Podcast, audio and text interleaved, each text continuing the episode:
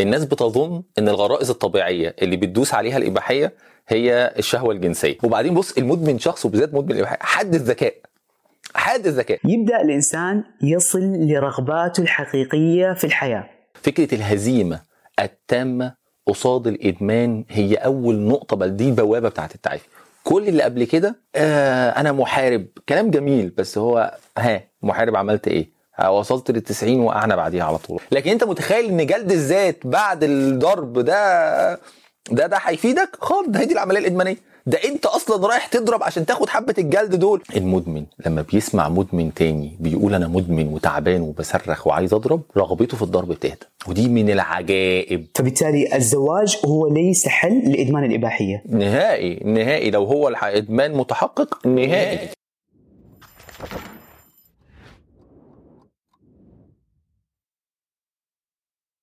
السلام عليكم ورحمة الله تعالى وبركاته. أهلا وسهلا. حياك الله. إدمان الإباحية. واحدة من إدمانات هذا العصر اللي فعلا تؤثر على جودة حياة المدمن بكل جوانبها وبمختلف نواحيها. طيب هل هو فعلا إدمان؟ عفوا هل هذا السؤال أصلا مهم؟ وكيف يعرف الشخص إنه وصل إلى مرحلة الإدمان؟ وكيف يتعافى الشخص؟ وهذا السؤال الأهم من هذا الإدمان أساسا. حلقة جديدة من بودكاست روتين التسعين بموسمه الثاني اللي يأتيك عن طريق قناة مجتمع مسافة. هذه الحلقة مع الدكتور عماد رشاد طبيب وأخصائي الصحة النفسية وكاتب. أتمنى أن تكون هذه الحلقة هي بوابة لكل من أراد أن يسلك طريق التعافي بإذن الله تعالى. أول ما دفعني لهذا الموضوع هو كتاب قوة العادات اللي في منتصف هذا الكتاب كان يتكلم عن أقوى حدث غير فهم الناس في العادات والإدمان. وهو زمالة المدمنين المجهولين. لما بحثت عن هذا المصطلح وجدت مقالات الدكتور حماد رشاد وجدته وهو يتحدث عن زمالات المدمنين المجهولين بمختلف أنواعها ثم تحدث أكثر وكتب أكثر وألف كتابه الأخير عن السلوكيات القهرية والدكتور عماد كذلك يركز على جانب لم يتطرق له الكثير وهو إدمان الإباحيات ويتحدث في هذا الجانب بنظرة شمولية هو ما يتكلم بس عن مقاومة المادة الإدمانية و... وما الذي يدفع الناس لا لا هو يتحدث عن فهم المشاعر فهم سلوكياتنا أساسا، فهم سلوكياتنا القهرية، ومنها نفهم عاداتي وعاداتك اليومية التي نقوم بها. فبالتالي هذه الحلقة صحيح إنها عن إدمان الإباحية ولكنها تنظر للموضوع بنظرة شمولية. إي نعم، نصف هذه الحلقة تقريبا كان في فهمنا للإدمان. والمادة الإدمانية ما تفرق، سواء كانت إباحية سواء كانت مخدرات سواء كانت طعام إي نعم في بينها بعض الفروقات ولكن في الأخير هنالك مسبب هنالك مكون هنالك مشكلة لم تحل في حياة المدمن.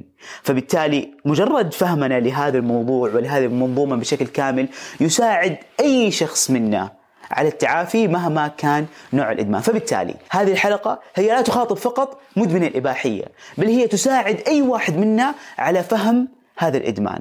وفهم السلوكيات القهرية في حياته وفهم هذه العادات وهذه المشاعر. أتمنى فعلا أنها تكون حلقة مساعدة لكل من سلك هذا الطريق ولكل من بدأ. حلقة مهمة. بسم الله الرحمن الرحيم. نبدأ. وببدأ دكتور معك بأول مرحلة آه، يمر بها المدمن الذي لسه بعد بعد سكرات الإدمان آه، مرحلة الإنكار هو أنا مدمن ولا ماني مدمن؟ أنا مدمن ولا هذه بس يعني آه، الويكند هي مرة في الأسبوع أنا أقدر أتحكم بنفسي؟ بسم الله هو المشكلة في في القصة الشائكة بتاعت الإباحية بالذات إن إحنا لو هنتكلم عن الإنكار فيها فإحنا محتاجين نتكلم عن الزوايا قبل فكرة الإنكار بتخلي الإنكار في موضوع الإباحيات بالذات بيبقى أكثر تجذرا ليه؟ اولا الإباحية هو تقريبا ال- الإدمان الأكثر حداثة. يعني إحنا بنتكلم عن المخدرات موجودة قبل الإباحيات ال- الطعام موجود قبل الإباحيات. كثير جدا جدا من الأمور الإدمانية موجودة من زمان يمكن بعضها بعض أنواع المخدرات موجودة حتى منذ فجر التاريخ يعني زرعها الإنسان. لكن عند الإباحية بالذات دي حاجة لسه إيه؟ لسه مبكرة. ظهرت مع الإباحيات بالذات المواد الإباحية مع ال الانترنت لما بقى فيه السرعات الواسعة أو أو العالية وكمان بقى فيه الفرايتي الكبير جدا جدا في الإيه؟ في المطروح. مشكلة الإباحية الرئيسية إنها بتدوس على غرائز طبيعية. الناس بتظن إن الغرائز الطبيعية اللي بتدوس عليها الإباحية هي الشهوة الجنسية. بس ده مش حقيقي. هي مش بس بتدوس على الشهوة الجنسية. هي بتدوس على الشهوة الجنسية وبتدوس على غريزة مهمة جدا جدا محركة لينا هي غريزة الاستطلاع والفضول. دي غريزة مهمة جدا بتشتبك مع الشهوة الجنسية ودي مهمة جدا جدا. غريزة أخرى متعلقة بطفولتنا غريزة التلصص. التلصص اللي بعد كده بيتحول لمرض بس إحنا كلنا عندنا قدر من التلصص. هات أي طفل كده وقول له إيه وقول له مش هقول لك إيه اللي موجود في إيدي. أكتر حاجة هتشغله في حياته هو إيه اللي موجود في إيدك دلوقتي. فالإباحية تستطيع إن هي تجعل الشهوة الجنسية والرغبة بتاعت الفضول ورغبة التلصص والاستطلاع ورغبة مهمة جدا اسمها رغبة التجديد. تخلي كل ده يتعانق ويبدأ يديني مادة تدوس على كل ده مع بعض. الطعام ما يعرفش يعمل كده. المخدرات ما تعرفش تعمل كده. الإباحية بالذات الفرايتي الكبيرة. النهارده أنا آه، آه، لو مدمن كوكايين هي نفس الايه نفس الطريقة بالظبط. أنا بشرب نفس المادة تقريبا بجرعة بتزيد بحاجات بسيطة. هي بنفس اللون تقريبا بتعود على ديلر معين لكن في الإباحية مفيش حد بيضرب مرتين نفس الضرباية. النهارده هيتفرج على حاجة بكرة هيتفرج على حاجة. وبالتالي نتيجة بقى معانقتها لكل هذه الغرائز مجتمعة ونتيجة إنها بتلعب على الم... بتدعب كده حتة من طفولتنا متعلقة بالمرح متعلقة بالفضول ومتعلقة بالتجديد ومتعلقة ب... بالتلصص إلى جانب إنها صناعة مليارية وحديثة ده خلى الأبحاث اللي اتعملت عليها مش كتيرة قوي الاعتراف بيها كإدمان أصلا في وسط الأوساط العلمية بصراحة مش بهذا الرواج يعني لو هنتكلم بكل صراحة. وطبعا ده يعني بيخضع لحاجات كتير جدا واحد حداثة هذا الإدمان وظهوره نمره اتنين في فلوس في سوق. ما ينفعش. ففي ما حدش هيصرف على ده.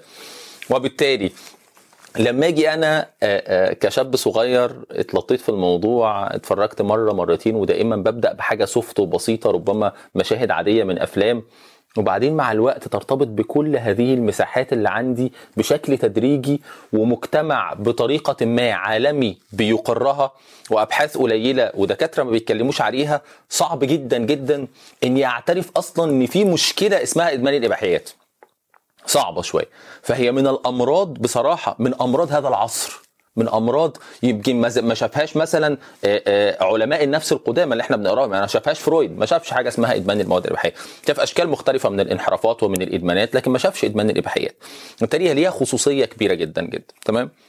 أنا كنت بدخل دكتور معاك في في في إدمان الإباحية. هل التعرض لهذه المادة مرة في الأسبوع مرة في الشهر هو هو إدمان طالما الواحد بدأ فيها ولا؟ إيش الخصوصية فيها؟ تمام. دي نقطة مهمة جدا. عشان نقول إن هو إدمان برضو خليني أكون صريح لأن كتير جدا الأمور بتساق في غير موضوع الإباحيات بالذات موضوع مختلط جدا جدا. في حاجات كتير قوي متشابكة. بداية إن إحنا لما بنيجي نتكلم عن إدمان الإباحيات بيدخل معاها فكرة ال compulsive masturbation أو العادة السرية القهرية. ودي أمر منفصل عن الموضوع دوت. يعني لما يجي نتكلم عن إدمان الإباحيات مش بالضروري يكون في إدمان للعاده السريه في ناس بتتفرج على الإباحيات وهي دي ضربتها على فكرة. يعني في ناس بتبقى في حاجة مشهورة جدا اسمها ال edging يفضل طول الوقت محفز نفسه. هو مش عايز يصل إلى الإيه؟ إلى النشوة لأن ده بيجهض عملية الإيه؟ الإدمان عنده. النشوة بتروح. وفي مشتبك معاها كده بزاوية أخرى ال compulsive masturbation فإحنا محتاجين نتكلم عنها ونقول إمتى نقول إن العادة السرية اللي موجودة دلوقتي دي قهرية ولا دي أو العادة أو الاستمناء ولا ده استمناء بمعدلات عادية ما فيهاش جانب إدماني. مش بنتكلم هنا على حرمة وحلة إحنا بنتكلم هنا على هذه المعدلات. هل تتحط في السياق القهري ولا لأ؟ نمرة ثلاثة الميول الانحرافية اللي بتبقى موجودة في في الإباحيات. يعني إيه؟ كل اللي دخل الإباحيات عارف إنه مع الوقت شوية وتلاقيه يبدأ يدور على حاجات عنيفة. شوية بتبدأ تظهر عنده بعض الميول يعني بنتكلم في ساديه ومازوخيه وممكن نبدأ بعضهم يدور على حاجات تحت السن وبعضهم يدور على حاجات فوق السن الم... وبعدين أحيانا بيبقى آه، آه، تجاوز حتى لإطار الجنس يعني حتى أحيانا الميول نفسها خلاص هو ما عادش الحاجات دي بتحفزه أحيانا بيدور على حاجات أكثر عنفا وأكثر إهانة. فيبدأ يظهر بقى ميول. اذا عندنا ثلاث حاجات محتاجين نفض الاشتباك ما بينهم. إمتى نقول إن هذه الإباحيات إدمان؟ إمتى نقول إن العادة السرية آه، إدمان؟ أو نقول إن العادة السرية دلوقتي بقت compulsive إمتى نقول إن في ميل انحرافي؟ لأن في واحد بيتفرج على الاباحيات مرة واحدة في الشهر بس معاها ميل انحرافي. معاها compulsive ايا كان. فممكن ديت تعد معايا إيه؟ تعد معايا في مشكلة هنا. فإحنا عشان نتكلم عن المشكلة محتاجين إيه؟ نفضها الأول. ومشكلة كثير من الخطابات التي تتناول هذا الأمر بتاع الإباحيات بالذات إنها بتخلط الإيه؟ الثلاثه مع بعض. فأي حد بيعمل ماستربيشن لا الموضوع هنا وحتى لما نيجي نتعالج الموضوع بيبقى إيه؟ بيبقى مختلف تماما فعشان نقول بقى إن في إدمان للإباحية محتاجين حبة شروط تكون موجوده أول حاجة عشان نقولها إن رغبة الشخص الحقيقي هي في الإيقاف. دي نقطة خطيرة جدا جدا. دي نقطة خطيرة. أي حاجة أي حاجة فيها الشخص مستنيم يعني خلاص مش هنتكلم فيها هي دلوقتي مش بتهرشه خلاص نبقى نخليها على جنب. إشكالية اللي بيتفرج على الإباحيات إن كثير جدا جدا من اللي بيسمعني دلوقتي إحنا عايزين نوقف. أنا عايز أبطل. اذا أنا عايز أبطل لكن بقالي شهور وسنين بفعل فعل مخالف لهذه الرغبة الأصلية اللي موجودة فيا. ألا يدعونا ده للتوقف؟ مش هنتكلم عن إباحيات. أنا عايز أبطل أكتب بالقلم ده. فبعمل إيه؟ أنا برميه. بابا بحطه في الدرج صح؟ هل بيشغلني قوي بكرة ألاقي حاجة معينة تخليني أفتح الدرج وأطلع القلم وأكتب بيه؟ صعبة صح؟ طب لو تعالى بقى أنا النهارده قررت إن أنا مش هكتب القلم ده بيلحوس لي هدومي كل مرة رغم إن أنا بحبه. بعدين تاني يوم بفتح الدرج ورحت كاتب بنفس القلم وبهدلت نفسي. تالت يوم بفتح الدرج وبكتب نفس القلم وهدلت نفسي. هنا في مشكلة. هنا إدمان. إذا بعيدا عن فكرة المعدلات في حاجة مهمة جدا. رغبة الشخص الحقيقية إيه؟ رغبته في الإيقاف ولا في الاستمرار؟ وجود حالة الصراع الدائمة وجود شكل قهري وكأن هناك قوة أخرى داخلية وكأن في استحواذ داخلي وكأن في كيان آخر دخيل على الذات بيجعل الشخص يخالف ما رغب به النهارده. بيجعل الشخص يمشي بقرار مختلف عن اللي قرره النهارده. وهات لي حد عنده مشكلة مع ودي السؤال الأولاني. كام مرة وعدت نفسك إنها آخر مرة؟ وكم مرة صدقت في هذا الوعد. ده ألف ب. إذا في رغبة حقيقية في التوقف ولكن في شكل من أشكال الصعوبة الشديدة جدا جدا في الاستمرار في هذا التوقف. تلاقي كل حد عنده مشكلة مع الإباحات عارف أنا أقصى حاجة وقفتها 13 يوم 14 يوم 16 يوم لما كنت مش عارف إيه 30 يوم لما اتجوزت مش عارف إيه لما طلعت العمر. فاكرها كويس جدا لأنه هو عارف ده الوقت الوحيد اللي اتصل فيه برغبته. إذا دي أول حاجة. تمام؟ ودي نقطة خطيرة جدا جدا. وعلى فكرة تقريبا ده المفتاح الرئيسي. إحنا عندنا 11 كرايتيريا للإدمان. أنا ما بيهمنيش منها غير دي بصراحة. أنت عايز إيه؟ أنت. بعيدا بقى عن أي حاجة بعيد بقى عن إن أنا أقنعك أنت مدمن ولا مش مدمن أنا مدمن ولا لأ. سؤال واحد بس. أنت عايز إيه؟ أنت عايز تفضل في نفس السياق دوت؟ عايز تفضل تقفل على نفسك الباب وتشغل وبعد ما تخلص تحس بنفس مشاعر ده. أنت عايز تفضل في ده؟ لأ. أنا يقينا مش عايز أفضل ده. مش أنا اللي بقول لك اعمل حاجة صح؟ طب أنت ليه في ده؟ ده مش بيقول لك حاجة عن نفسك مش بيقول لك عن هنا في حاجة في مشكلة ما سميها زي ما تسميها عايز تسميها إدم... سميها أي شيء. أهم حاجة إزاي رغبتك كإنسان مش قادرة تتحقق على الأرض وشغالة في مساحات تانية في حياتك لكن هنا في مشكلة تمام؟ نمرة اتنين بنتكلم بقى في آثار سلبية على مستويات مختلفة يهمني فيها المستوى الاجتماعي. كتير جدا جدا ساعات. ساعات بتروح فيها. كتير جدا بيضيع الشغل ما بيروحش شغله النهارده بسبب إن هو ضرب النهارده بسبب النهارده بسبب إن هو قايم مكسر بسبب إن هو الجو سقع ومش عارف يروح يستعمى ايا كانت الحاجة. بسبب إنه حاسس بالخزي بسبب إنه شايف إنه مش بيعرف يتكلم بعديها بشكل ما بسبب إنه بدأ يجنس كل حاجة فما بيعرفش يقعد مع واحدة من غير ما يشوفها في الإطار الجنسي ما بتعرفش تقعد مع واحد من غير ما تشوفه في الإطار الجنسي. بقى في خلل في الأمر الاجتماعي. إلى جانب نقطة مهمة جدا محتاجين فعلا نحط تحتها ألف خط إنها لا تتوقف مع الزواج. مش بتتوقف مع الزواج فبالتالي في زواجي بدأ يحصل فيه مشكلة. إزاي؟ ما هي عمر ما زوجتي هتعرف ترقى إلى هذه الصورة اللي بتفرج عليها في الإيه؟ في الأفلام. هتعرف تعمل إيه من ده؟ من كل أفانينهم وكل الش... مستحيل. فبالتالي عتبه الاستثارة بتاعتي بتترفع وبترتبط بالإباحيات. فبالتالي الزواج هو ليس حل لإدمان الإباحية. نهائي نهائي. لو هو إدمان متحقق نهائي. نهائي. بل أحيانا بيعقد الأمور واحيانا اللي بيحب تعقد الزواج ودي برضو من الاحيان أنا بس عشان. عشان مش متجوز موضوع أعمق من كده شويتين ثلاث بل بالعكس معظم الناس اللي بتاخد تجربة التعافي بيبدأ يتعافى لما يتجوز ويكتشف الموضوع ملوش علاقة بالجواز. نهائي. إن هو للأسف عذرا يعني بينهي العلاقة مع زوجته الحميمة اللي فيها بني آدم وبعدين بيحسش بالشبع بيحس إن الجوع أكبر. وبعدين بيروح للإباحيات. أحيانا بيظهر بقى حاجة مهمة جدا اسمها porn induced erectile dysfunction. ال- ال- ال- ضعف الانتصاب المرتبط بالإباحيات. ودي حاجة مشهورة جدا جدا ومهمة جدا دلوقتي. ليه؟ عتبة الاستثارة بتاعتي عليت جدا. تخيل أنت كده آه، آه، أنا كل يوم أجي أعمل لك. بإبرة كده. 20 30 مرة. خلاص؟ واسيبك دقيقتين وأروح جاي اعمل لك كده. 20 30 مرة. في الأول أنت هتشد إيدك. بعدين مع الوقت عندنا بالمصري كده بيقولوا الجلد بينحس. يعني إيه الجلد بينحس؟ عتبة الألم بتاعته بتعلى. فعشان أخليك تشيل إيدك أنا محتاج إيه؟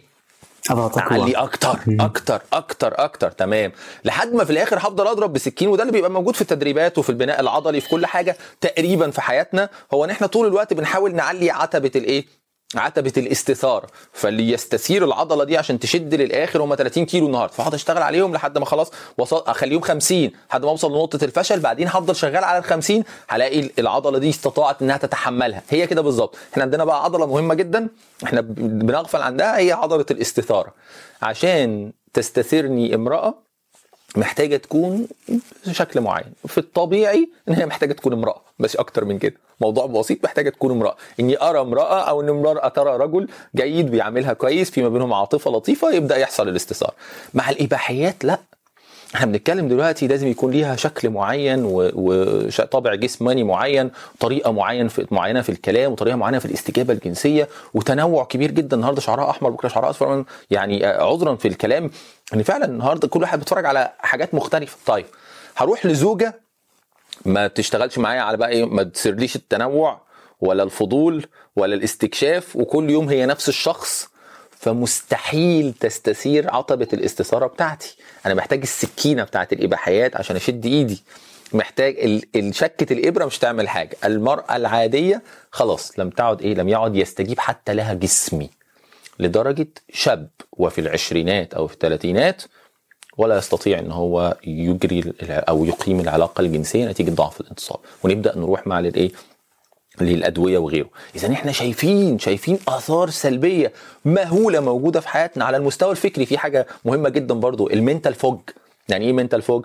يعني الضباب الدماغي. طول الوقت فقد التركيز. ما إحنا عمالين نلعب في الدوبامين والسيروتونين بهدلينها. فشغال طبعا الدوبامين مع فكرة ال novelty مش مع فكرة الاستثارة الجنسية بس. الناس مفكرة إن إشكالية الإباحيات الاستثارة الجنسية مشكله الإباحيات في ال novelty التجديد التنويع اللي فيها خطير جدا جدا يعني. يعني نتكلم بصراحة مدمن الإباحيات اللي بيتفرج على نفس الفيلم أثرها عليه أقل من مدمن الإباحيات بيتفرج كل مرة على فيلم مختلف. شوف لدرجة إيه؟ عشان كده الموضوع داخليا بيلعب في حتت كتيرة جدا. دكتور هو أثرها ليس فقط على حياته على حياته الجنسية الزوجية بل حتى على عمله حتى على دراسته حتى على طريقة تعامله مع الناس دائما عنده الرغبة في التجديد لأنه يطفش بسرعة. هي كده إن القشرة المخية عند عند مدمن الإباحيات وهبقى أدي لك كده المصدر بتاع الدراسة دي تحطها حتى في تحت للناس تقراها إن القشرة المخية اللي هي مسؤولة بقى فعلا عن العمليات الحقيقية بتاعتنا القشرة المخية بيقل حجمها عند الناس اللي بتتعرض للإباحيات لفترات طويلة. إحنا بنتكلم في في journal of medicine مهم ومحترم. حتى لو في بعض الانتقادات اللي ممكن توجه لأي دراسة علمية بس دي تنبغي التوقف عندها في حاجة بتحصل هنا في دماغي. في حاجة بتحصل في دماغي فعلا مع كتر التعرض دوت مع الثقب الأسود اللي عمال طول النهار يبتلعني. اذا بعد كل هذه الآثار الجانبية فقدان التركيز والنسيان والعلاقات اللي فيها مشاكل بعد كل دوت ورغبتي بتزيد في التوقف. لكن الحال عامل إزاي؟ مفيش توقف. أنا بالنسبة لي دي الزتونة. أقعد أقول لك ال 11 نقطة بتوع مش عارف إيه وال craving واللهفة والاستحواذ الذهني كل الكلام ده كوم وفكرة أنت كإنسان ماذا تريد؟ أنت كإنسان إزاي زادت رغبتك في أن تريد أن تتوقف بسبب هذه الآثار الجانبية وما هي المحصلة؟ عدم القدرة على التوقف، إذا هنا في مشكلة. أب باخذ طرف الحديث اللي تو قلته، أنت كإنسان ماذا تريد؟ طب بروح معك للخطوه الثانية دكتور عماد. إرادة الإنسان في علاج الإدمان. مم. هو ذا الحل؟ هو دي برضو نقطة مهمة جدا جدا. دي من أهم الحاجات اللي أنا دايما أقول الكلمة ديت وأنا بحبها جدا. هي فكرة إن الإدمان مرض المفارقات. مم. والتعافي لا يقل في مفارقاته عن مفارقة الإدمان. ما هو داويني بنفس بالتي كانت هي الداء. ما ينفعش يبقى أنا محتل بهذا الكيان اللي مليان بالتناقضات. تناقضات. هديك مثال مثلا في موضوع الإباحيات. يعني أنا طبعا لما بقولها الناس بتفهمها غلط. مم. علاقة إدمان الإباحيات بالتدين عالية جدا عالية جدا. الناس بتفهمها غلط وكأني بقلل من المدمن بالعكس خالص بس هو في هنا حاجة مهمة جدا مرتبطة بإدمان الإباحيات كانت على فكرة وتدين حقيقي. عشان الناس بتقعد تفكر أنت قصدك إن مزيفين؟ والله بالعكس ده هو فعلا إنسان حقيقي ونظيف. وفعلا عايز ربنا وفعلا بتاع ربنا جدا وفعلا شغال في الدعوة وشغال وكتير جدا. ولكن عنده المشكلة دي. ده موضوع مش متخيل مدى شيوعه. يعني يعني حقيقي شائع للغاية. مش بتكلم هو احصائيا ومش بقول مثلا جزافا. أنا بقول بس هي ظاهرة حاول تلحظها. ممكن أكون غلطان. تمام؟ بس معروفة مثلا إن غير المتدين ما بيتلطش في الإباحيات بشكل كبير قوي. ليه؟ لأن هو ما عندهوش البناء. الناقد الداخلي والموبخ والضمير الصاحي اللي بيلعب عليه أصلا تناقضية الإيه؟ الإدمان. فبيتفرج مرة اثنين ثلاثة غالبا بيتلطف في إدمان مختلف غالبا بيبقى الكحوليك لكن المتدين بالذات ده بيلعب يعني بيوقعه قوي. يعني المتدين ممكن ما يبقاش مدمن خمر.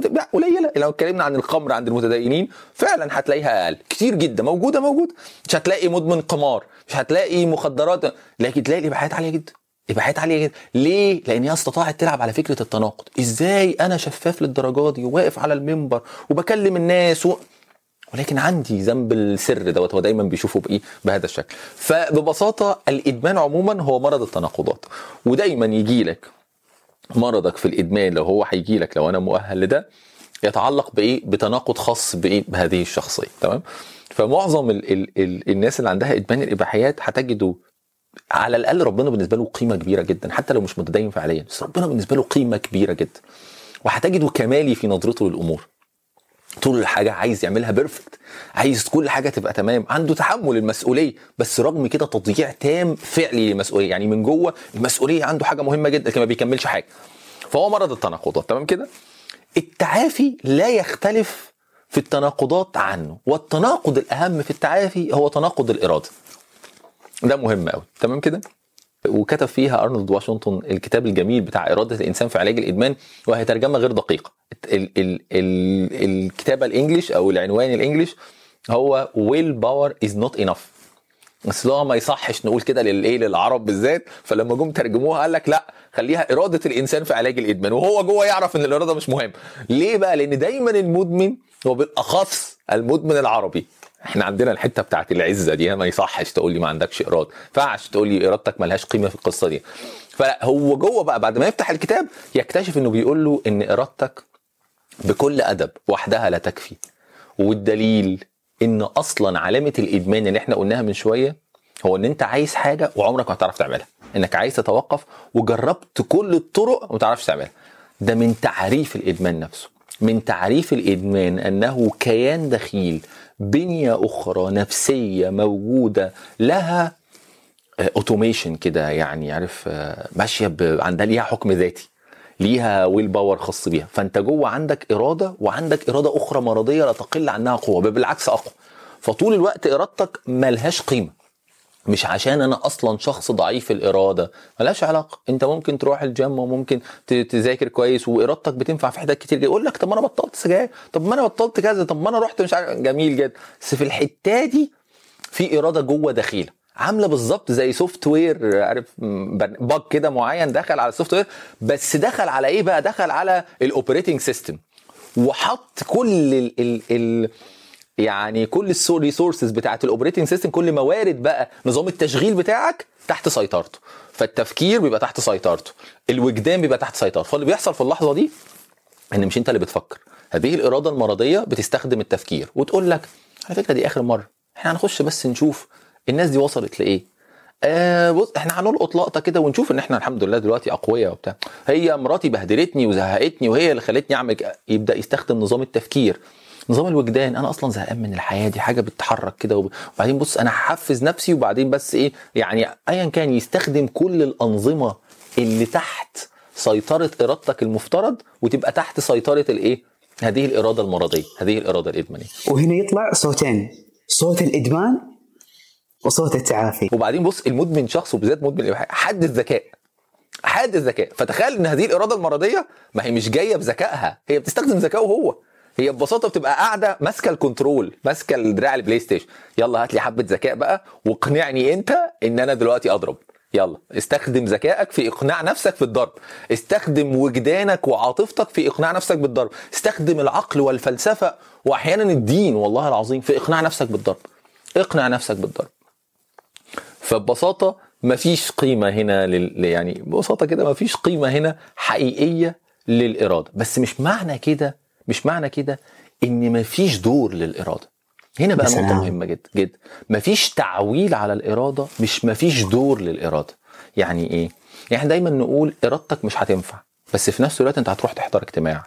في نفس الوقت أنت هتقرأ إدبيات أنت هتتفرج على فيديو. طب ما هي كل الحاجات دي مستخدم فيها الإرادة آه بس مش بتقاوم الإدمان نفسه. أنت ما بتلعبش معاه هو. خالص. أنت ببساطة عامل أكن في وحش ضخم موجود جوه حلبة مصارعة. أنت عارف إنك أول ما هتنزل معاه هيديك يد هيكومك.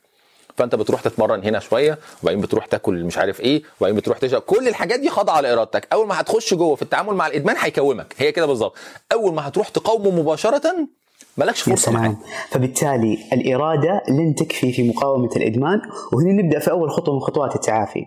أول خطوة للتعافي من إدمان الإباحية هو الاعتراف أنك عاجز. إنك عاجز.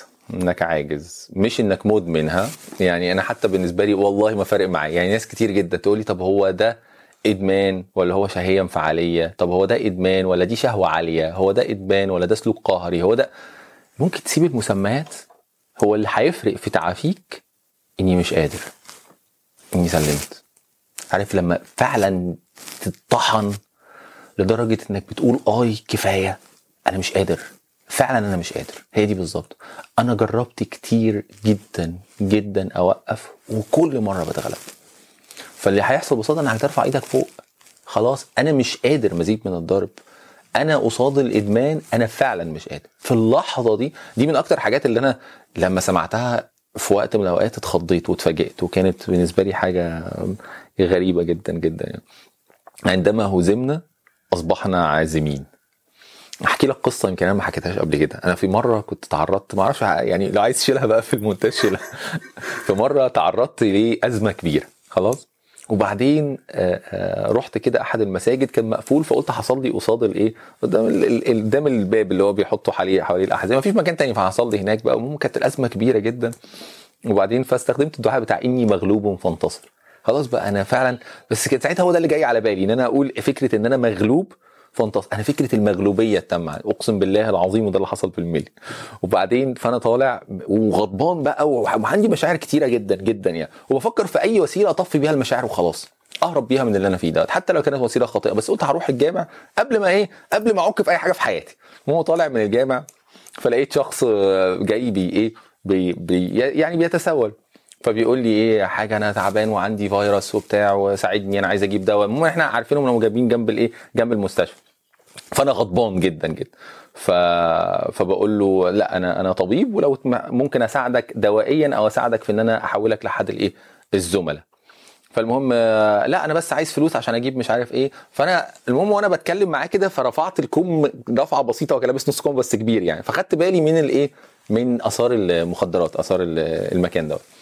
فالمهم قلت له قلت له طيب يعني انت دلوقتي خلاص إحنا إيه انت مش هتلف عليا يعني أنا فاهم انت هتعمل إيه دلوقتي. فالمهم ما أعرفش إيه اللي طلع في دماغي يعني اللي هو طب ما فكرتش ان انت اخره السكة دي؟ قال لي اخرتها الموت. أنا جالي فيروس سي اخرتها إيه يعني قلت له طب ما تعرفش عن الان إيه الزمالات؟ لقيت الراجل بيقول لي اقسم بالله العظيم يقول لي ان عندما هزمنا أصبحنا عازمين والله العظيم. وساعتها أنا ما كنتش قريتها في الكتاب بقى ما كنتش ما كنتش خدت بالي منها. عندما هزمنا وراح مسمع لي أول ثلاث أربع خطوات. وبدأ يكلمني عن تجربته مع التعافي واللي انتهت بهذه الانتكاسة. وفضل ماشي معايا تقريبا إيه إحنا بنتكلم دلوقتي في مدمن كان بيتسول. وأنا في لحظة يعني يعني مضنية من الألم والصراع والضغط والرغبة في يعني في التدمير حتى. وبدأ يكلمني هو آخر شخص ممكن أتخيله عن معنى فكرة عندما هزمنا أصبحنا عازمين. أنا رحت واخد بعضي رحت راكب تاكسي ورحت مروح على بيتنا. ومن ساعتها الجملة دي أنا ما بنساهاش. لأن كلمة عندما هزمنا أصبحنا عازمين مع إني مغلوب فانتصر عملت نوع من أنواع الامتزاج العجيب في اللحظة دي. إن إيه فكرة المغلوبية؟ ليه موضوع المغلوبية؟ وأنا من الناس اللي طول عمري عندي ابهه ال ال الإرادة وابهه ال- لا كل حاجة ولازم تبقى منظمة ويعني إيه مش قادر ده أنا بس ما ركزتش في التعافي بما فيه الكفايه أنا ما ركزتش بس إن أنا آخد بالي من كذا أنا ما ركزتش إن أشتغل مع ابني كويس أنا ما ركزتش إن أنا أعدل علاقتي بمراتي. طول الوقت شايف إن أنا بس ما ركزتش في الموضوع لكن أنا أول ما هركز وأحط دماغي فيه هبقى كل حاجة تبقى تمام. لكن في اللحظة دي فهمت إن الموضوع مختلف تمام. وبدأت أعيد قراءة بقى أدبيات الزمالات وفكرة الإدمان حتى كطبيب. برؤية مختلفة شوية. يعني إيه عندما هزمنا أصبح؟ إزاي لما بنتهزم ساعتها بينبت حاجة جديدة؟ هي دي فكرة. فكرة الهزيمة التامة قصاد الإدمان هي أول نقطة بل دي البوابة بتاعت التعافي. كل اللي قبل كده عذرا يعني. آه أنا محارب. كلام جميل بس هو ها محارب عملت إيه؟ وصلت لل 90 وقعنا بعديها على طول. وصلت لل 20 وبعدين وقعنا على طول. بقى ليه؟ لأنك داخل بأتيتيود مختلف. دي مش الحالة الذهنية بتاعه التعافي. كل دي محاولات أحيانا بتستمر لسنوات طويلة جدا عشان توصل لاعتراف واحد. هو ده اللي هيفتح الباب. أنا مش قده. محدش بيقاوم المادة الإدمانية نفسها. محدش بيقاوم الإباحيات نفسها. أمال إحنا بنعمل إيه؟ إحنا بنشتغل على كل الحاجات اللي ودتنا هناك. فاكتشفت في اللحظة ديت إن الموضوع ملوش علاقة خالص بالإباحيات ولا بقى لأن التفكير كان إيه؟ ودي تسمعها كتير قوي. بعد ما يخلص ضرب يقعد بقى إيه؟ يقرأ عن الإباحيات وعن تأثيراتها على الدماغ. فتصبح هي جزء من إدمانه. هي جزء من العملية الإدمانية نفسها بالظبط. أصلا. من الهوس أصلا. هو ده هوس. هوس حقيقي يعني. في, في, في ناس بتقرأ تعيد قراءة فوكو يعني تاريخ الجنسانية كاملا. يعني أنا سمعتها قبل كده إن بعد ضربايه معناها قررت إن أنا أفهم بقى عن تاريخ الجنس في العالم وإزاي الجنس وصل لما ولا بيفرق. نهائي. إحنا ما بنقاومش المادة الإدمانية. إحنا بنعترف بالعجز قصادها فبنبدأ نشتغل على الحاجات اللي ودتنا هناك. الحاجات اللي ودتنا هناك هو ده الشغل الرئيسي. الأتيتيود بتاع مقاومة الإباحيات. عشان كده تلاقيني ما بتكلمش بس عن الإباحيات نفسها أو الطعام نفسه. قلما بنجيب سيرته. لكن إحنا بنتكلم عن هذه البنية الأصلية. مش البنية الإدمانية كمان لا البنية النفسية الأصلية التي أودت بيا إن تخش لي هذه الإرادة الدخيلة. عشان تبنجني وتطيب خاطري. أنا ما بعرفش أتعامل مع المشاعر. اتعلم بقى اتعامل مع المشاعر. واحدة دكتور من أقوى الأشياء اللي فعلا لما قريتها أنا كذا انخضيت وقتها. كان في كتاب قوة العادات لما نتكلم عن زمالة المدمنين ونتكلم عن أنها واحدة من أقوى الأشياء على مر التاريخ اللي فعلا فرقت فرقت في فهمنا للعادات وفهمنا للإدمان.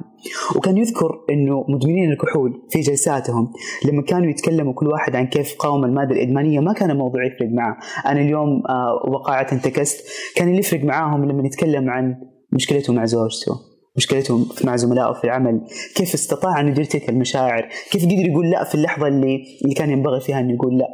بعدين لما سمعت التعبير اللي أنت ذكرته هو حل معطوب للمشكلة هو مشكلة المشكلة هو المشكلة آه أوكي الإباحية مشكلة والمخدرات وكذا بس هي في مشكلة أساسية أصلية. لما تلتفت لها يبدأ ينحل معك الموضوع تدريجيا. أبغاك دكتور تحكينا عن هذا الموضوع. هي دي نقطة مهمة قوي هي الإباحية ليست مشكلة. الإباحية هو حل خرج عن السيطرة.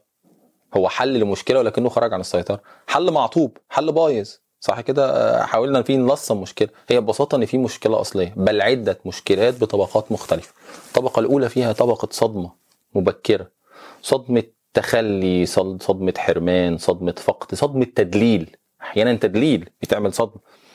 صدمة معينة نشأت مبكرا. أحيانا قبل حتى نشأة اللغة عشان كده نركز في الحتة دي قوي. قبل نشأة اللغة قبل ما الإنسان يعرف يعبر عن نفسه. ودي نقطة مهمة جدا جدا جدا. ليه؟ لأن أنا بشوفها كده أن العرض الإدماني هو رمز وإعادة استدعاء وتمثيل لمشهد الألم الأول. وهفهمه لك. اللي بيحصل؟ إن مرحلة صدمة أو صدمة أو فقد أو حرمان أو تدليل ألم معين عميق جدا لم يستطع الشخص صياغته. هذا الألم أورثه استياء وخزي عميق جدا في مرتكز تكوين شخصيته.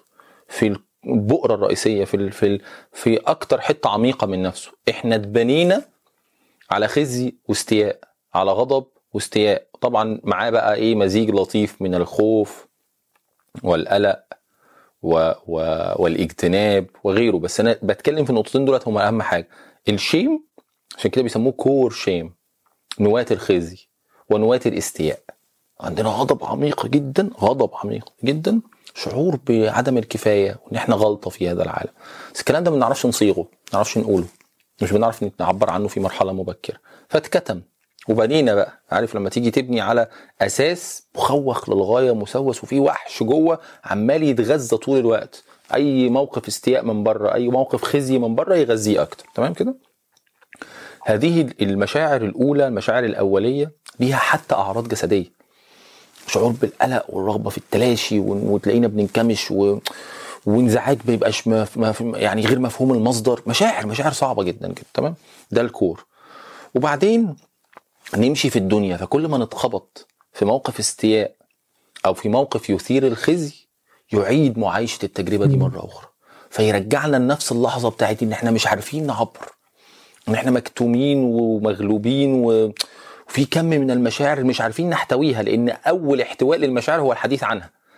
بس المشاعر اللي إحنا بنمر بيها دلوقتي ما عندناش كتالوج ما عندناش لغة ما عندناش معاجم نستطيع من خلالها نصيغ اللي بيحصل جوه ده ونعبر عنه عشان نفكه. فالشعورين دول بالأخص طبعا في مشاعر تانية كتير بس الشعورين دول بالأخص الإستياء والخزي أول ما بيجوا بيستحضروا القديم ده فبيدخلوني في حالة طفلية من كم مشاعر أنا مش عارف أتعامل معاه. مجرد بس ما حد يقلل مني ما حد يكاد يهجرني ما حد يجي عليا ايا كانت الشعور الموجود دلوقتي يبدأ إيه؟ خلاص الشعور اللي بيطلع ده بيحسسنا إن إحنا هنتشظى إن إحنا هن- هنهلك دلوقتي مش قادرين نتحمله. فبنعمل إيه؟ بندور. على مرهم. مم. على حتة للحرق اللي وجعنا ده. خلاص. ونركز بقى في الحتة دي جدا جدا. الحرق ده وجعنا جدا. خلاص اللي بيطلع ده. فعايزين مرهم. حتى لو المرهم ده هيوجعنا أصلا. ودي بقى نقطة مهمة. حتى لو المرهم ده هيوجعنا أصلا. بس يوجعنا وجع أهون من الوجع ده. وجع مفهوم ومدار ومدرك. ونعرف آه الألم والذنب والشعور الغريب اللي موجود عندنا بقى ليه معنى. ليه؟ أصلا أنا اتفرجت على اباحيات مش عشان حاجات تانية أنا مش عارف أصيغها. فبقى الخزي مرتبط بيها. فأول حاجة في المرحلة الأولى من الإباحيات إن هي بتيجي كحل. إيه ده؟ تروح جاية مدعبة الطفل اللطيف اللي جوه. تعالى هفرجك حاجة جديدة وحاجات منوعة. واللذه الجنسية وحالة الخضر اللي بتحصل. جميل. ده إيه؟ دي بنجتني ولو لثواني. وبعديها في مشاعر ذنب. تقولي طب ما هو مشاعر الذنب مؤلمة جدا. آه بس ألم متشاف. ألم مصاغ.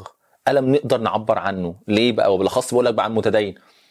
وليه؟ لأن هذا الألم مرتبط بذنب مخالفة وذنب السر خلاص بقى ينفع يتصاغ. فاللي حصل ببساطة إني بروح أعمل ذنب أحس فيه بإن أنا أو أيا كان بقى الغلطة أو أيا كان الدمار اللي بعمله في حياتي أحس فيه إن أنا قليل وإن أنا آه، آه، بشكل ما قليل ودي نقطة مهمة جدا ومخزي ليه؟ لأن دايما الفرجة على إباحيات أنت بتتفرج عذرا يعني على رجال يتعاملوا بقوة غير عادية ولساعات عديدة ومش عارف إيه. في إطار جنسي بتتفرج على واحدة بتمارس الجنس مع رجل آخر. فأنت عليك أن تتخيل أنت بتعمل كده في الحقيقة. يعني بتتفرج على امرأة عجباك بتعمل كده مع مع رجل آخر. فطبعا شعور الخزي الأصلي غير عادي. أنا عايزك تتخيل إن امرأة بتعجبك أنت بتعرف إنها بتمارس الجنس مع رجل آخر. هو ده على فكرة العملية الإباحية. العملية الإباحية ببساطة هو رجل تثير امرأة حينما تمارس الجنس مع رجل آخر. فلك أن تتخيل معنى فكري عشان كده بقول لك هي إعادة صياغة المعنى الخزي الأصلي. بصتها المتشفية اللي بتثيرك عمالة تقول لك أنت قليل أنت صغير. بص في واحد تاني دلوقتي شايف قوته عاملة إزاي شايف حجمه شايف وأنت عمال طول الوقت مش واخد بالك عمال تحس بالضآلة بالضآلة. أنت بتعيد تكوين المشهد الأصلي اللي أنت حسيت فيه بالضآلة. ومع الوقت تجد حاجة غريبة جدا في الإباحيات. تجد البحث عن. عن ال... ال... العنف والقوة. ما هو الغضب بقى ما إحنا قلنا الخزي ما إحنا محتاجين نشوف التاني نصيغ التاني إحنا قلنا هو الاستياء والايه والخزي. فتلاقي دايما السقف يتكسر دايما. فإن أنا عايز حاجة أكثر عنفا عايز عذرا إن حد بي- بيصرخ بصوت أعلى عايز حاجات فيها قوة أكتر عايز مش عارف ليه؟ عشان اللي حاضر دلوقتي هو هذه الآلام الأولى. ألم الخزي؟ إنك بتتفرج على واحدة بتجامع رجل آخر وفي النهايه أنت راجل متلصص بتتفرج من ورا الشاشات ومستخبي هنا وقاعد متحفز على حد يكون فتح الباب وتقفل بسرعة خزي أهو. وغضب عمال يعلى. أنا بعيد صياغة المشهد الأول في صيغة رمزية لأني ما عرفتش أتكلم عنه في المرحلة الإيه؟ المبكرة. فببساطة الإباحيات هنا عملت حاجتين. واحد إنها عملت لي سوزنج عملت لي تهدئة. تهدئة ديت ليها شكلين. إما عن طريق إنها فعلا عملت عملية تهدوية هدتني وخلتني اتفرج على حاجة هدتني بالفعل ونمت. أو عملت مش عارف إيه وخلاص ونمت. أو إنها عملت لي ألم آخر بس ألم أقل من الألم الأصلي. الذنب الناس مفكرة إن الذنب اللي بعد ده ممكن يخليها تبطل. خالص ده هو ده اللي أنت عايزه أصلا. ليه؟ ما عشان في شعور تاني بالذنب أنت مش عارف تصيغه. في شعور تاني بالذنب جواك أنت مش عارف تتكلم عنه أنت لسه ما مسكتهوش. هو ده اللي لما يتمسك مش هتحتاج للذنب ده. لكن انت متخيل ان جلد الذات بعد الضرب ده ده ده هيفيدك؟ خالص هي دي العملية الإدمانية. ده انت أصلا رايح تضرب عشان تاخد حبة الجلد دول هم حبة الجلد دول بيغسلوك من جوه. هم حبة الجلد دول اللي أنا رايح لهم عشان أبني الجلد مش مفهوم. هو أنا حاسس بإيه؟ مش لكن دلوقتي خلاص بقت مفهوم. أنا بجلد نفسي لأني ولأني ولأني ولأني. يلا اللي منافق يلا اللي مزيف يلا اللي بتقول قدام الناس حاجة وأنت بتعمل حاجة. يلا اللي فتحت امبارح وقعدت يلا اللي وعدت وما عملتش. خلاص بقت واضحة. فالمشاعر بقى ليها جدر. إحنا ببساطة كده أختصر لك بقى النقطه آه، يعني إحنا كده قلنا ال- السوزنج أو التهدئة يا إما عن طريق تهدئة فعلية يا إما عن طريق تهدئة بإيه؟ بحاجة أخرى. اتنين إعادة تمثيل الإيه؟ المشهد الأول اللي إحنا مش فاهمينه. إحنا ببساطة ناس هي دي بقى الخلاصة. عندنا مشاعر شبه الوليد الصغير الطفل اللي مش لاقيين مش لاقيين له شرعية مش لاقيين له سند مش لاقيين له نسب. فبنبحث له عن نسب. عندنا شعور بالذنب والخزي مش عارفين جاية منين. طب ده بتاع مين يا جماعة؟ مش عارفين. فبنروح للاباحيات عشان تديله نسب. شعور الخزي بتاعي عشان أنا مدمن إباحيات. خلاص أنا كده فهمت. أنا كده هديت. لكن تسيبها لي عايمة كده مرعبة. طيب المدمن قد يكون شخص جيد مثل ما ذكرت. بالعادة شخص ذكي بالعادة شخص مبدع لأنه دائما بيصل لمراحل مراحل عالية في في تطوير المادة الإدمانية. وفي نفس الوقت المدمن يبدأ التعافي منه ثم يطلب المساعدة من الآخرين. وفي نفس الوقت المدمن لا يمكن أن يتعافى لوحده. يجب أن أن أن يعبر التعافي عن طريق الآخر. دكتور نبغى نبدأ ببداية التعافي الحقيقية العملية. اعترفت بالعجز الآن. أدركت أني لن أستطيع التعافي بإرادتي. ما هي الخطوة العملية اللي اليوم استطيع أن ابدا فيها؟ البحث عن مساعدة. البحث عن مساعدة. البحث عن مساعدة. البحث عن مساعدة. البحث عن مساعدة البحث عن مساعدة وممكن نقعد نكررها يعني عارف لما يعني كان كل الحكماء والأنبياء يجي وفي حاجة مهمة قوي يكرروها ثلاث مرات البحث عن مساعدة البحث عن مساعدة المساعدة. البحث عن مساعدة. لا أحد يتعافى وحيدا لا أحد يتعافى وحيدا. دي نقطة مهمة جدا. محتاج دائما إن هو زي ما إحنا قلنا إحنا عندنا عطب في الإرادة فإيدك معايا معلش. إيدك معايا إرادتك معايا وإرادتك معايا. طب أنت أصلا إرادتك خربانة؟ ما أنت مدمن زيي مثلا أو أنا باخد باخد من حد مثلا مدمن زي. فإرادتك خربان لا بس إرادتي على إرادتك يعدوا إرادة الإرادة المرضية وإرادتك على إرادتي يعد يعدوا الإرادة المرضية اللي عندي. إيه هي أشكال المساعدة؟ براحتك. أنا بقى من الناس اللي إيه منفتح على كل الأشكال. تقولي المساعدة صديق مجموعة من ثلاث أربع تنفار هم أصحابي آه، زمالة آه، مجموعة زي مجموعات اللطيفة المباركة زي واعي وغيره. آه، تليجرام مش عارف. هو طبعا كلما كانت عشان أكون صريح كلما كانت المساعدة حية أكتر كلما كانت أثرها أكبر. يعني إيه؟ يعني المساعدة دي زي الدواء بالظبط. أو بقى نسميها المشاركة. مش هنسميها المساعدة بقى دلوقتي هنسميها المشاركة. زي الدواء بالظبط. محتاج الدواء وجرعة ومدة. أي دواء. يقول لك مضاد حيوي هتاخده لمدة أسبوعين آه، آه، واحد جرام كل 12 ساعة. صح كده؟ فهي محتاجة دولت. كل ما هتقلل المدة كل ما هتقلل إيه؟ ال- الأثر. كل ما هتقلل الجرعة كل ما هتقلل الأثر. كل ما هتلعب في الدواء كل ما هتغير الأثر. هي كده الخلاصة. فالمشاركة. كلما كانت يومية عشان كده مثلا في الزمالات أنا مؤمن بدي جدا 90 في 90 90 اجتماع في 90 يوم. الناس مفكرة إن التعافي 90 يوم. لا ده ده الزقة الأولانية. عشان تبدأ تتعافى 90 يوم الاولاني 90 في 90 يعني إيه 90 في 90 90 اجتماع 90 مشاركة في 90 يوم. كل يوم بتحضر اجتماع. 90 اجتماع في 90 يوم بتفرق جدا في زقة التعافي الأولانية. نقطة مهمة جدا برضو في لأن في الزمالات بالأخص وفي الناس اللي بتعمل اللي بتحاول تحصل على مساعدة إن عظمة المساعدة مش في الكونتنت بتاعها مش في محتوى المساعدة. يعني ممكن تروح تس- تسمع اجتماع ما تفهمش منه ولا كلمة ولا تستفيد منه عقلا ولا كلمة بس تحس إن رغبتك في الضرب قلت. ودي من الحاجات العجيبة جدا اللي بتعملها المساعدة. المدمن لما بيسمع مدمن تاني بيقول أنا مدمن وتعبان وبصرخ وعايز أضرب رغبته في الضرب بتهدى. ودي من العجائب من العجائب فعلا يعني.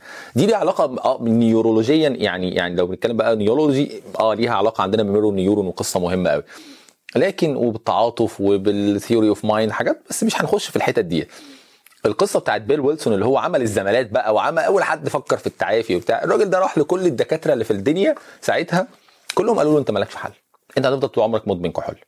فلما خلاص يأس تماما قال له طب أنت عندك حد شبه حالتي؟ قال له آه في واحد شبه حالتك وجاله فشل كبدي ومستني الموت خلاص فأنت ممكن تروح تقعد تتكلم معاه. قعد يتكلم معاه قال له أنا عايز ربع ساعة من وقتك. بيقولوا إن ال- ال- الفترة امتدت لساعات لكن بعديها فهم حاجة واحدة بس حس إن رغبته في الضرب قلت ومن هنا كانت بداية الزمالات. يعني اقعدوا مع بعض قولوا أي حاجة في أي حاجة اتكلموا في أي حاجة في أي حاجة هتلاقي الرغبة في الضرب بتقل. الرغبة في الضرب بتقل بتقل بتقل بتقل لفترات طويلة. هنا بقى بيبدأ يحصل حاجة بس مش عايز أخش برضه جزء عص- عصبي قوي. إعادة هيكلة لمسارات الدماغ. هنا بقى بترجع أنت تكتشف ذاتك من الأول تكتشف ال- ال- العرض الأصلي الألم الأصلي. الخزي الأصلي. عشان كده وأنت بتتكلم النهارده مثلا يا دكتور عبد الله أنت بتقول إنهم لما بدأوا يتكلموا عن مشكلته مع مراته وعن مشكلته مع ابنه وعن مشكلته في الشغل هي دي فعلا اللحظه اللي بيحصل فيها التعافي. لأنه بيشيل السوزنج وبيشيل ده الألم ال... ال... وبيروح بقى فعلا لآثار الألم. طب أنا لما أقول مراتي بصت لي النهارده بصه حسيت فيها إنها كأنها بتقلل مني أو بتقول لي أنت مش مسؤول. ده فكرني بأمي لما كانت بتبص لي فكرني بأبويا لما عمره ما كان ها أيوه كده بدأنا نروح للخزي الأصلي فبدأت أتكلم عنه فلما اتكلمت عنه صغته فلما صغته ما بقتش محتاج للصياغة الرمزية بتاعت الإدمان. إحنا قلنا إن الإدمان هو صياغة رمزية بديلة لما لا أستطيع صياغته. فلما اتكلمت طيب أحيانا ما بتكلمش أحيانا أسمع حد تاني بيتكلم. فيحكي هو يقول لما مديري في الشغل عمل كذا كذا ووقف غسلني أنا حسيت بالخوف. وفكرني دوت لما كان الممتحن في الجامعة بيه وفكرني لما أبويا كان بيذاكرني رياضة فعمل لي هو هو بيقول كده أنا دماغي أيوه أيوه أيوه أيوه هو ده اللي أنا حاسه أيوه هو ده اللي أنا مش عارف أصيغه. فبرضه قدم لي صياغة لما لم أستطع أن أصيغه فسقطت ثمرة بتاعه الإيه؟ بتاعت عدم القدرة على الصياغة اللي هي الصياغة الإدمانية البديلة. الإدمان لغه رمزيه لما لم أستطع ترميزه لما لم أستطع أن أتحدث عنه. فحينما أتحدث عنه أو أسمع شخص آخر يتحدث عنه بيفك الشعور الأصلي اللي هو المحرك اللي عامل كل الضغط ده ومديني الطاقة بتاع العملية الإدمانية كلها. دي الخلاصة على فكرة. هو ده التعافي. حرفيا هو ده التعافي. يعني لو جينا قلنا كور التعافي كور التعافي هم نقطتين مشاركة وتسليم. خلاص. مشاركة وتسليم. انت بت- بتشارك بني ادمين بتقعد معاهم وبتسلم ودي بقى القصة الثانية بتاعت ان انت مش داخل في إرادتك وفكرة الايه التجربة الروحية مهمة جدا جدا في الايه في التعافي مهمة مهمة يعني. دولة التعافي فلو بنتكلم في المشاركة وهنتكلم بصراحة يعني خلينا نكون أمين برضه. أنا راجل مسلم ويعني والله بالنسبة لي قيمة مهمة في حياتي. لكن هل معنى كده لو أنا مش مسلم إن ماليش تعافي؟ لا. في زمالات قايمة على فكرة بيسموها زمانات زمالات علمانية زي زمالات سمارت وغيره. طب هي قايمة على فكرة إيه؟ على فكرة المشاركة. اذا إحنا بنتكلم من المشاركة في ناس كتير بتتكلم إنها قد تعجل عملية الإيه؟ التعافي بشكل كبير وأحيانا إيه؟ لوحدها. متخيل؟ طبعا مع التسليم الموضوع بقى حياتك كلها بتبقى أفضل وبتاع الدنيا كلها بتبقى أحلى وتبقى أسهل وأسرع والتعافي ما يبقاش فيه هذا العنت الكبير. بس المشاركة حيوية للغاية. فأول خطوة بتعملها هي المشاركة. طب تقولي طب ما هو التسليم؟ لا التسليم ده عملية قلبية محتاجة شغل. هتقعد انت هتقعد لك سنة كده لحد ما تلقط يعني إيه تسليم. وسنة تلقط مع إيه تسليم وتعرف تفرق ما بينه وبين التوكل. تفرق ما بينه وبين التواكل. تفرق وتعرف يعني إيه تسليم شهوة وتسليم فكرة وتسليم دماغ وتسليم استياء. قصة كبيرة جدا تاخد فيها سنين عشان تتقنها. دي أصعب حاجة في التعافي لكن اللي أقدر أعمله النهارده مشاركة. ألو. زمالة أنا عايز أحضر يا جماعة معاكم. وصولي لجذر المشكلة. وصولي وإدراكي إنه الموضوع مرتبط بطفولتي. مسكت الجرح الآن. طب إيش فائده إني أمسك الجرح؟ طب مسكته وعرفت إنه هذا هو الاستياء وهذا هو الخزي اللي كنت أشعر فيه لما كنت طفل. طيب وبعدين؟ مجرد بس إني أدرك هذا الشيء هذا يفرق في تعافيه؟ طيب. عارف في حاجة لطيفة كده جدا جدا آه، دخلت فيها الفيزياء تقريبا في القرن اللي فات. هي فكرة آه، مبدأ عدم التأكد تسمع عنه؟ أو مبدأ عدم التعين. هايزنبرج وشرودنجر والحاجات اللطيفة بتاعت ال quantum physics قالوا كلمة لطيفة قوي قالوا أن إدراك أي شيء أو محاولة إدراك أي شيء إدراك الإلكترون محاولة معرفة مكان الإلكترون. مكان الإلكترون بيغير مكانه. فأنت عمرك ما هتعرف مكان الإلكترون غير لما تغير مكانه. ودي دخلت بقى العلم أصلا في قصة مختلفة خالص تمام؟ جاء بعد كده واحد روحاني على مستوى اسمه جدو كريشنا مورتي لطيف برضه شخص لطيف كده قال لك والله إن محاولة معرفة أي شيء لابد أن تغيره وده اللي مؤمن بيه علم النفس أو التحليل النفسي. إن التعرف على أي شيء بيغيره. يعني أنا ببساطة لو عارف أنا حاسس بإيه وعرفت اصيغها emotion identification إن أنا أعمل تعرف على المشاعر وتعريف ليها وصياغة ليها 60% من الأثر الموجع للشعور ممكن يهدى. الصياغة بس التعرف بس لأنه لا يوجد تعرف دون تغيير. دي نقطة خطيرة جدا حتى لو لم. أعرف ما هو التغيير اللي اليوم اسويه بس مجرد إني وصلت لمعرفته حتى لو ما بتعملش أي حاجة م- مجرد إنك عرفته وصغته بقول لك ده حتى في الفيزياء اللي كل ما تيجي تمسك الالكترون تعرف أنت عايز تعرف مكانه غيرت سرعته. عايز تعرف سرعته غيرت مكانه. أي حاجة هتبدأ تع... عايز تعرف بس تدرك تلاحظ مش أكتر تلاحظ. أنت عايز ملاحظة. فدلوقتي بيتكلموا في استحالة ملاحظة واحدة دون تغيير الأخرى. مستحيل مستحيل الملاحظة المجردة اللي أنت قاعد تتفرج عليها من بره. الملاحظة مغيرة. إذا نظرت هتغير. لو شفت هتغير. اسأل كتير جدا جدا جدا. هو ليه لا يلتفت منكم أحد؟ يعني يعني ليه ما تبصش؟ ليه فكرة النظرة ديت خطيرة قوي ما تبصيش؟ ولما حد بص اتعاقب إيه؟ ليه إيه رمزيه النظرة لما تشوف لما تطلع لما تبص؟ وفكرة أرني أنظر إليك لما قالها موسى تبقى فيها سياق لكن لكن لما يقولوها أرنا الله جهرة يبقى ليها سياق تاني وهنا نظرة كده. قصة النظرة دي خطيرة جدا. فكرة أن ترى إنك تبص دايما نقول كده إن التعافي أثر جانبي للمعرفة. إحنا بنقولها كده؟ التعافي أثر جانبي للمعرفة. في ناس تقعد تحرت كده يقول لك تعافي ونعمل جدول. لكن أحيانا بمجرد أن تعلم ما الذي يحدث بالداخل ولماذا يحدث وإيه ده وإيه اللي عمله ده بيفك حاجة. مش بيفكها تماما. ليه بقى؟ لأن بيتوقف هنا بقى الجزء اللي متعلق بالإرادة. إرادة إيه؟ الحرية الإنسانية. حرية أنت مش لسه قايلين الإرادة ما إحنا قلنا بقى الإرادة ليها مكانها. إرادة إن أنا بروح آخد خطوات. دايما كانوا يقولوا كده التسليم اكشن التسليم فعل. فلما بروح أعتذر لمراتي لما عرفت إن أنا ما أنا فهمت دلوقتي أنا عملت إيه. أنا فهمت إن أنا في اللحظة دي طلعت عليها غضبي من فلانة. خلاص أنا فهمت دلوقتي. في اللحظة دي بقى ودي نقطة مهمة جدا. المعرفة بتجعل الأكشن أسهل تجعل الفعل أسهل بتخلي الخيار الإنساني أكثر وضوحا. بدل ما هو مضبب ومتخبط أنا خلاص بقيت عارف يهلك من هلك عن بينة ويحيى من حي عن بينة فكرة البينة اللي بيحيا وبيهلك هو أهم حاجة فيها البينة. يهمني فكرة إنك تشوف بل الإنسان على نفسه بصيرة. هي فكرة البصر والنظر والفكرة دي فبصرك اليوم هي دي كلها بتقوم على فكرة شوف. افتح عينك وبص قل انظروا انظروا دايما سيروا فانظروا فكرة انظر انظر. أنت محتاج تسير بقى في الداخل؟ وتنظر. وكتير جدا هتلاقي حث أصلا على فكرة النظر إلى الداخل نظر إلى العالم الداخلي لأنه له أثر. له أثر فعلا. على فكرة كم من اللي مطلوب مننا من شعائر حتى في الأديان مش ضخم مش كبير. بس النظر التأمل البص شغل على الفكرة شغل على المشاعر هو ده الأساس. ده بقى اللي في النهاية بينتج هذا التعافي. كثمرة. ما بحبش كلمة اثر جانبي بس خليها إيه؟ كثمرة. لكن الجذع الرئيسي هو إنك تبص إنك تشوف إنك تفهم إنك توعى إنك تدرك إنك تمشي في هذه الرحلة لاستكشاف كل الأوض اللي أنت والسراديب اللي مليانه وحوش جوه. إحنا عمالين نجري من وحوش. متخيلين هي بهذه الضخامة؟ لأن إحنا شايفين ظلها على الحيطة وإحنا بنجري. بعدين أول ما نبص ورانا نلاقي الوحش ده قد كده قد كده. غلبان جدا والله. لكن في في ال- في الضلمة بقى أنا لو حطيت لك شمعة جنب صباعي هتشوفه عمود على الحيطة لأن هي اقتراب وظله عامل إزاي؟ لكن أنت يا عيني اللي غلبان اللي بعيد عن مصدر الضوء وبتجري متشاف قد كده لكن أول ما تبص وراك تلاقي وحش الإدمان وحش هذه المشاعر اللي طول الوقت بتهرب منها أقل بكتير جدا جدا من إيه؟ من حجمه. فالنظر والوعي له أثر شفائي عظيم.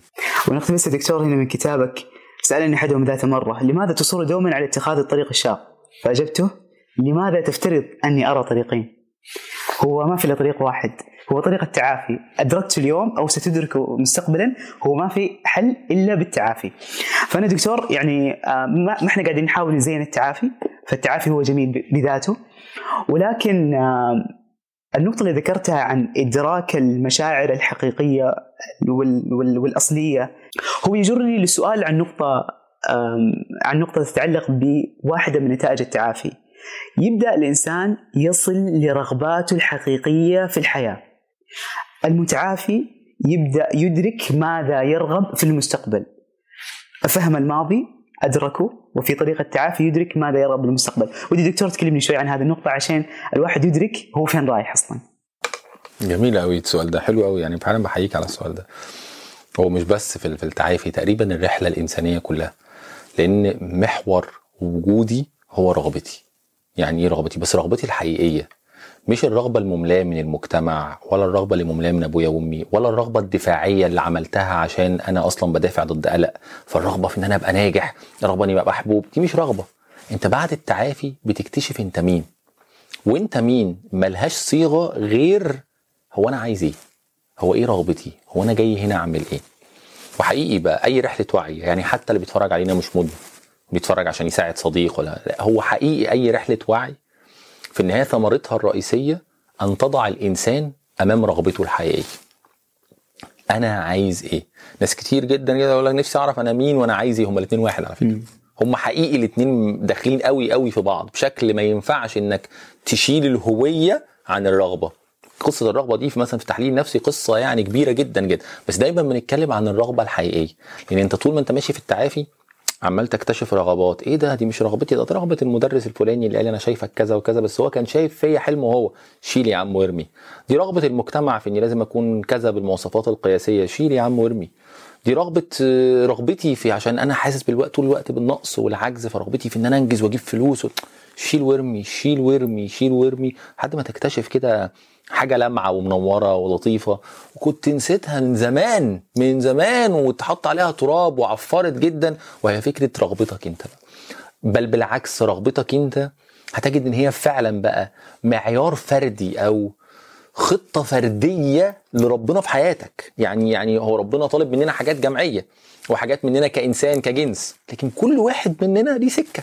ليه سكة لأن الله أبدع هذه الكائنات لكل واحد فيهم فرد. تماما. مش نسخ. فأنت فريد وأنا فريد مطلوب مني أنا وأنت حاجات مشتركة. ومطلوب مننا في بيئتنا العربية والإسلامية حاجات مشتركة. بس في حاجات خاصة بيك أنت.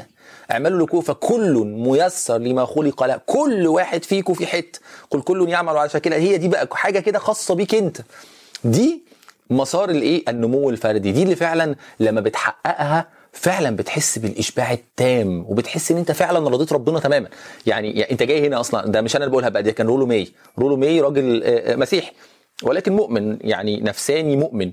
كان يتكلم على يقول لك إن غاية وجودك أنت أصلا إنك تحقق هذا الإمكان الفردي الخاص اللي حطه فيك مبدع الكون. فأنت عمال تحقق حاجات مهمة طبعا بس مطلوبة مننا كلنا. إيه اللي خاص بيك أنت بقى؟ إيه بتاعك انت؟ مش بالضروري تكون بقى ان أنا أروح اعمل مش عارف مش بالضروري ممكن تكون في حتة كده بس دي بتاعتك دي مساحتك انت دي دايرتك يعني. فاكتشاف ده اكتشاف رغبتك انت وامكانك انت واللي محتاج يتفرد والصوت الذي ينبغي على العالم أن ينصت لأجله اللي موجود عندك انت اكتشافك ده ده بيحصل في التعافي ليه؟ لأن الإدمان جاي مشوش على ده. هو أنا عندي وقت يا باشا أفكر. أنا طول الوقت في حالة صراع. البنية الإدمانية بنية صراعية. ما بين بصيص لرغبة وبصيص لإرادة طول الوقت عمال يتقمع. وفي نفس الوقت وحش ضخم متوهم لآلام طول الوقت عمالة إيه؟ تقول لك بص لو طلعت رغبتك دي تاني هسيب عليك الوحش اللي أنت خايف منه. خلاص هسكت. طول الوقت. فلما شلت ديت وشلت الوحش اللي وراها لم يتبقى إلى إيه؟ إلى صوت الرغبة، صوت الهوية، صوت الأصالة، صوت ال authenticity بقى، أنا هو أنا، خلاص لست مدان ولست مدين وبعمل اللي ربنا. بس في حاجات بقى أنا جاي هنا عشانها متفرد فيها أنا unique في عين ربنا مش بالضروري أكون أحسن إنسان في العالم خالص بس في مساحتي في مكاني. فده بنكتشفه في التعافي وفي أي رحلة وعي ومش بالضروري بمسار معين من التعافي. الناس بتكتشفه بطرق مختلفة اللي بيروح العلاج النفسي اللي بيروح للقراءة الفردية اللي بيروح للروحانيه بس في النهاية أنت ماشي بال, بال... بالاشتراطات بالمنهجية بتاع التعافي ال methodology بتاع التعافي. ال methodology هي عبارة عن إيه؟ اجتماعات ومشاركة والو أنا تعبان وبفكر في كذا هو ده الإيه؟ methodology التعافي دكتور عماده بختم بسؤال والسؤال قاسي والحقيقة اللي اللي اللي ستقال في هذا السياق أعتقد ستكون قاسية ولكنها مهمة. أتمنى الا أنسى.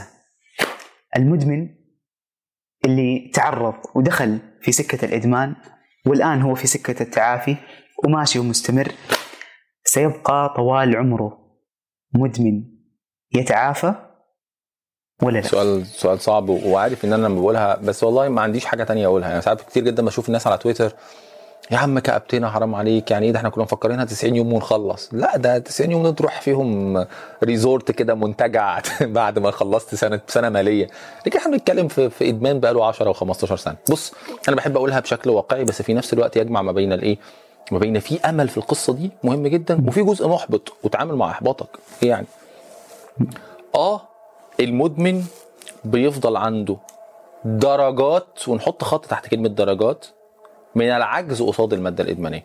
درجات من العجز قصاد المادة الإدمانية. حساسية. قد آه قد تختلف الدرجة مع الوقت. يعني ناس كتير قوي تجد نفسها لا خلاص ما عادش بقى يعني يعني طول الوقت عايز يقفل على نفسه ويعمل مش عارف إيه وبتاع. بقى بتيجي فكره بس قدرته على التعامل معاها بقى أسهل. بس بتجيله؟ آه بتجيله. هل ليها نفس هذه السلطة القديمة؟ لا. طيب لكن لو تعرض لمشهد إباحي ساعتها بيبقى فيه إيه؟ بيبقى مد- لكن قبل كده كانت فكرة بس كانت بتبهدله. كانت صورة عادية في إعلان كان بيبهدله. فهو عرف إنه حساسيته بدأت تتحسن. بس عمرها ما بتزول. مش بتزول خالص. ليه مش بتزول؟ لأنها نشأت في مرحلة مبكرة جدا جدا جدا. طب ممكن تقعد سنين خاملة؟ كنت تقعد عمرك كله خامل. تماما تماما. زي إيه؟ ورم حميد مش عايز يتحول إن شاء الله. وممكن ما يتحولش بقيه عمرك. بس تلعبش فيه. ما تقعدش تهرش فيه بقى لو سمحت. اذا آه إحنا بنحتاج على عكس يعني على حسب ما باتريك كارنز بيقول في موضوع إدمان المواد الإباحية وإدمان الجنس من ثلاث لخمس سنين. عشان يعود المدمن لإيه؟ للحياه الطبيعيه تماما تماما. بس الحياة الطبيعية ديت هيفضل دايما دايما في مساحات عنده ما بيتعرض لهاش زي الطبيعي. يعني زي عمره ما هيروح يشرب مع اللي بيشرب عمره ما هيجي وصاحبه يقول له شفت والله الفيديو دوت ده مش عارف إيه. لا. واظن الحياة مش هتبوظ يعني مش الحياة مش هتقف على ان انت تشوف الفيديو اللي مع صاحبك على الموبايل. عشان تقول لي أنا لازم أبقى شخص طبيعي. شخص طبيعي أنت عايز تتفرج بس أنت عمال دماغك توعي. يعني هو ببساطة المدمن لما يجي يقول لك إيه ده؟ يعني أنا عمري ما هرجع طبيعي؟ أنت قصدك إيه بالطبيعي؟ يعني أتفرج على إباحيات من غير ما أبقى مدمن. يعني أنت عايز تتفرج أهو بص ده تفكير إدماني. لا أنت هترجع في كل حاجة طبيعي بس هينفع أتفرج على إباحيات. إيه ده؟ طب ما أنا إزاي طبيعي؟ يا فندم هو ده الطبيعي والله. بس أنا مش ما هو ده الطبيعي. هو الإشكالية إن المدمن لما يجي ييأس من فكرة أنا هفضل طول عمري مدمن هو بيبقى يا عيني عنده حنين للمادة الإدمانية. عايز حد يقول له أمل إنه في يوم من الأيام هيتعرض للمادة الإدمانية ويمارسها من غير ما يبقى مدمن. فما فيش الكلام ده. مستحيل. فلو جيت بصيت على السؤال أصلا هتجد إن السؤال في داخل منه الإدمان عشان يدي, يدي نفسه أمل العودة. اللي هو هل في يوم من الأيام هبقى طبيعي؟ عرف لي طبيعي. آه طبعا. انت من أول ما تخش التعافي هتبقى طبيعي. من أول ما بتمتنع بتبقى طبيعي. طبيعي يعني, يعني خلاص ما بتعكش بقى وما تضيعش حياتك ما تبوظهاش طب انت كده بقى طبيعي. روح الآن وتعرض للماده. الادمانيه اللي عندك حساسية نفسية منها. فلو تقصد الطبيعي إن أنت بتفانكشن في الحياة عادي آه. لكن تقصد طبيعي يعني بيتعرض لبحياته وبيروح قافل لوحده كده؟ لا. ده مش هيحصل. مش هيحصل. فالرساله إنه مدمن الإباحية حتى المتعافي حتى المتعافي لسنوات. أيوه الحساسية تفرق بس ممكن لو شاف لقطة معينة وبدأ يغوص في هذه الفكرة قد يعود والانتكاسه هنا تكون أصعب وأقوى جداً، وكسرتها أقوى. جداً. يمكن مثل المتعافي اللي قابلته في الشارع. بالظبط بالظبط ان هو خلاص فعلا كسرتها. بالظبط أحيانا أحيانا في انتكاسات وخاصة بعد فترات طويلة. مثلا لو جيت اتفرجت على بيسموها جسمه فاضي في إخواننا بتوع ال- ال- مدمنين المخدرات يقول لك شرب وجسمه فاضي فمات. جسمه فاضي بقاله فترة مبطل يروح رايح واخد جرعة ودي على طول يموت كتير جدا. زيها برضو بتاع الاباحيات ليه؟ لأنه ساعتها بيجي له نوع من أنواع اليأس. يعني بعد الخمس سنين كلهم راحوا. يعني مش عارف إيه كل ده خلاص. إذا ما فيش تعافي ما فيش تبطيل مش عارف. يبدأ ساعتها حالة من حالات اليأس الشديدة جدا. أو إن بقى يخسر كل حاجة. يخسر زواجه ويخسر خلاص يقول لك مفيش حاجة تانية يعيش عشانها ولا بطل عشانها. ودي مراحل بتبقى صعبة جدا جدا بقى في الإيه؟ في يعني ربنا ما يعني ما يودي حد هناك يعني حتى أو ما في ربنا ما يوديش يعني ما حدش إيه فينا يروح لهذا الشكل من أشكال القيعان يعني. قاع ما بعد ال ال الانتكاسة ما بعد التعافي الطويل رجالة قوي اللي بيقوموا منها مش أي حد بيقوم منها رجالة قوي قوي اللي لما ينتكس ما يلضمش انتكاسة بانتكاسة أو ما يلضمش الانتكاسة باليأس. ودي أهم حاجة. وعلى فكرة حتى في, في, في بعد 90 يوم بعد شهر بعد اتنين أكتر حاجة ممكن تعملها لنفسك بعد الانتكاسة إنك ما تجيبش وعدة واحدة تانية. وساعتها افرح بيها أكتر من تعافي. يعني أنا عامل 90 يوم وقعت وأنا كنت لما بقع بلضم 3 4 أيام ورا بعض. الثلاث أيام اللي بعديها بال 90 اللي فاتوا. قسما بالله الثلاث أيام اللي بعديها بتعافي اجرع من ال 90 اللي فاتوا. لأن أنت ما لضمتش انتكاسة بانتكاسة وما لضمت لضمتش انتكاسة بيأس وما لضمتش انتكاسة بإيه؟ بتأنيب للذات. مو لازم رغبة قد يكون المحرك الرئيسي الذي يدفع الشخص للتعافي إما الرغبة الحقيقية والصادقة في التعافي أو قد يكون إدراك ألم إدراك خسائر فما في إلا طريقة تعافي أيا كان المحرك الرئيسي طالما بدأ الخطوات بشكل صحيح فبإذن الله تعالى سيصل والتعافي رحلة لا تنتهي والتعافي هو ليس إلا الجرح الذي يدخل منه النور. فكثير من المدمنين يمتن ويحمد الله سبحانه وتعالى أن كان مدمن ابتداء فبعد الإدمان عرف طريق التعافي ثم عرف طريق العودة لله سبحانه وتعالى. أتمنى فعلا أن تكون هذه الحلقة أوصلت الهدف اللي فعلا نرجو من الله سبحانه وتعالى أن يصل. شكرا دكتور عماد على وقتك شكرا لك أنت على وقتك ومشاهدتك. في أمان الله.